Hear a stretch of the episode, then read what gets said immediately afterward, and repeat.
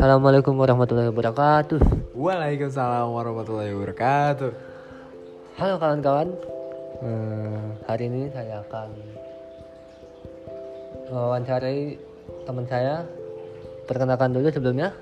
Perkenalkan, nama gue Ridwan Fatur Muyana dari Fakultas Ilmu Sosial Bakti Kencana University, Prodi Psikologi tentunya. Oke. Ini kayaknya langsung aja ya. Oke, boleh lah. Pertanyaannya itu yang pertama ada apa sih rencana operasi Anda untuk setting psikologi? Apakah yang akan Anda pilih? Dan jelaskan mengapa Anda tertarik untuk memilih setting tersebut.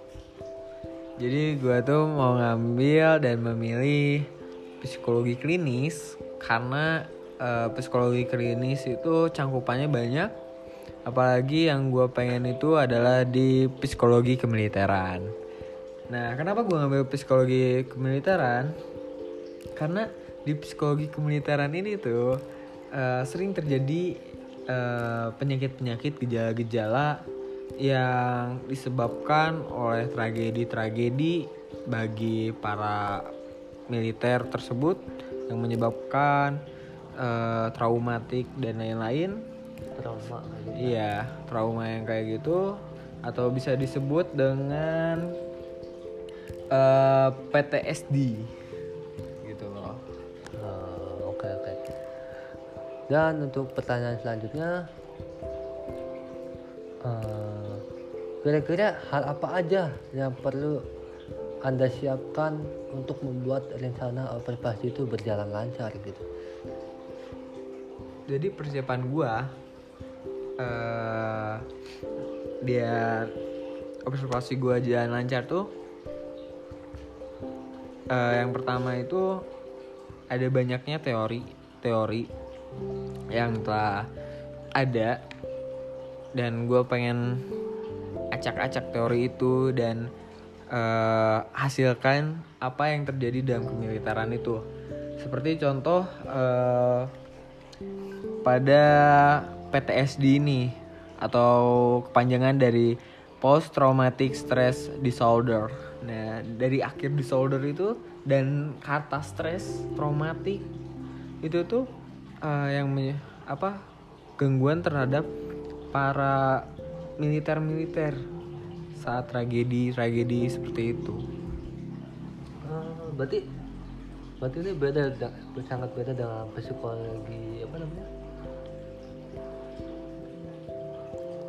Psikologi ya, Pak. Ya, iya namanya psikologi klinis. Oh beda. iya. Sebenarnya sama? sama? aja. Eh dalam psikologi klinis eh itu berkaitan dengan orang dewasa. Nah, eh, kalau dewasa doang kan ada terhadap mental-mental Iya, mental-mental yang menyebabkan terjadinya suatu perubahan terhadap pribadi dan lain-lain. Iya, kayak gitu. Oke oke. Untuk pertanyaan selanjutnya, menurut anda hal apa aja yang akan menjadi kekuatan untuk jadi hal apa aja yang menjadi kekuatan anda dapat membantu kelancaran? Apa pegangan pegangan lu yang membuat operasi itu berjalan lancar, men? Apa aja Oke. itu? Jadi eh, yang bisa membuat kekuatan gue dan berjalan lancar itu adalah gue mencatat hal-hal perilaku atau pertumbuhan respon terhadap suatu perilaku eh, tertentu dalam kemiliteran ini. Terus juga memperoleh data-data atau objek yang diteliti sama gua tanpa melakukan eh, komunikasi komunikasi verbal gitu. Contoh kayak eh, yang kena PTSD ini, dia tuh terkadang tanpa kita berbicara, tanpa kita eh, tektok berbicara satu sama lain, biasanya sudah ada ciri-ciri bahwa mereka itu mengalami PTSD dalam eh, kemiliteran ya atau soldier-soldier para militer-militer yang mengalami PTSD ini gitu loh. Oh, sangat menarik sekali tuh ceritakan gitu. Berarti eh, itu yang membuat operasi itu lancar dan itu pegangan terkuat lu ya? Iya. dalam menjalankan observasi supaya lancar. Nah, oke oke oke. Untuk pertanyaan selanjutnya, dan ini adalah pertanyaan yang terakhir. Oke, eh, jelaskan secara singkat tahap-tahap pelaksanaan observasi yang akan anda jalani. Tahap-tahap itu apa aja? Yang pertama ada perumusan permasalahan atau menentukan tema. Yang kedua ada penentuan tujuan observasi. Yang ketiga penentuan subjek penelitian. Dan yang keempat studi pendahuluan. Yang kelima menentukan konsep atau rencana observasi. Dan yang terakhir itu menentukan judul observasi. Nah, dalam tahap-tahap ini apa yang akan anda jalani? Seperti apa dalam semua tahap-tahap itu? Jadi gue tuh ya yang namanya kemiliteran ya ada yang harus namanya diprivasi bener-bener diprivasi hanya eh, gua atau dia jadi intinya antara eh, gua dan yang curhat ini yang tahu gitu dan Tuhan yang tahu. Jadi cuma tiga yang tahu tuh antara dia gua dan Tuhan. Eh, terus eh, tujuan observasi ini gua memiliki eh, gambaran tentang what, who, where, when, and how. Oh, oke. yang kalau what itu ya eh itu tuh gue cari dengan eh, tingkah laku yang dapat diamati gitu loh apa gitu yang ya? eh, apa gitu yang menyebabkan eh solder-solder ini mengalami ade apa tadi tuh ya PTSD gitu loh Apa tuh Pak? jadi PTSD itu yang gue jelasin adalah post traumatic stress disorder. Oh. Gitu. Nah, Sangat goks banget ini. iya. Terus yang kedua ada oh, siapa yang akan diobservasi sama gue gitu. Jadi gue tuh ngasih observasi itu para militer-militer yang mengalami PTSD ini. Jadi misalnya kayak seseorang ya atau kelompok Iya. ya gitu ya seperti itu ya. Oh, ya. Iya.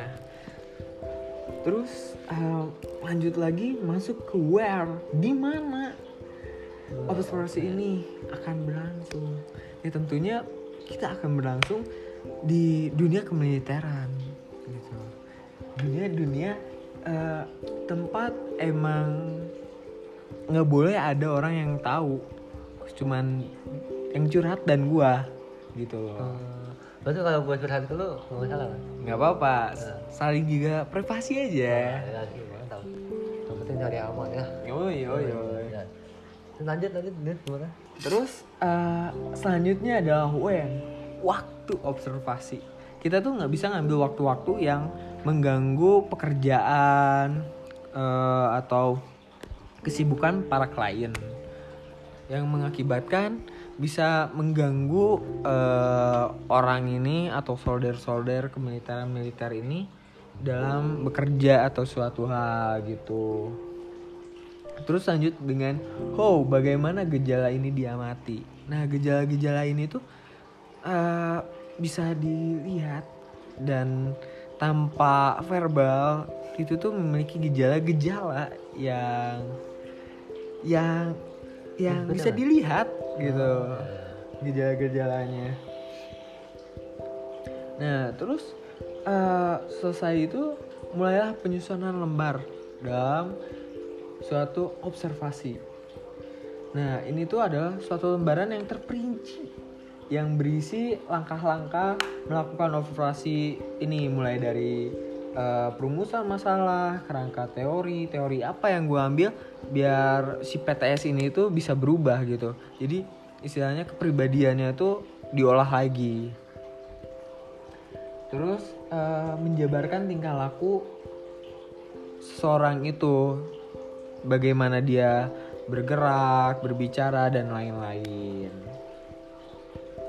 Nah, terus masuk ke eh, bahan-bahan, bahan-bahan yang gue siapin, eh, lembar, eh, buku catatan, teori.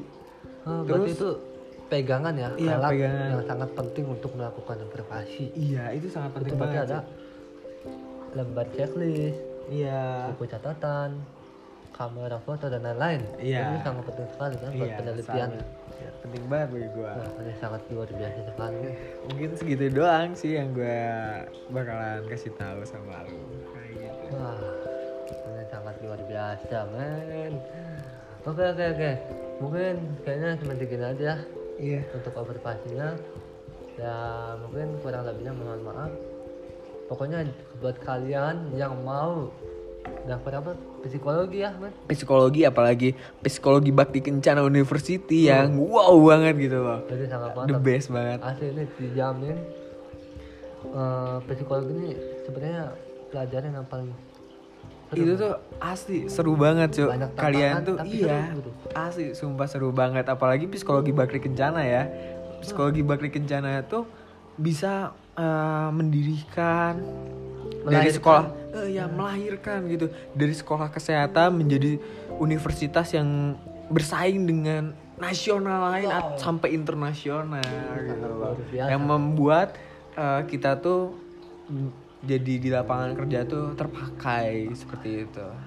Ayo buat kalian nih yang mau daftar di Bakti Kencana University. Eh, caranya gampang banget. Lo tinggal masuk aja ke link pendaftaran BKU Hah? ke ID nanti kalian bisa daftar di situ Oke, udah sampai itu mungkin segini saja buat podcast hari ini podcast mengenai observasi. Kurang lebih mohon maaf. Wassalamualaikum warahmatullahi wabarakatuh dan sampai jumpa lagi untuk podcast selanjutnya. bye bye Bye bye.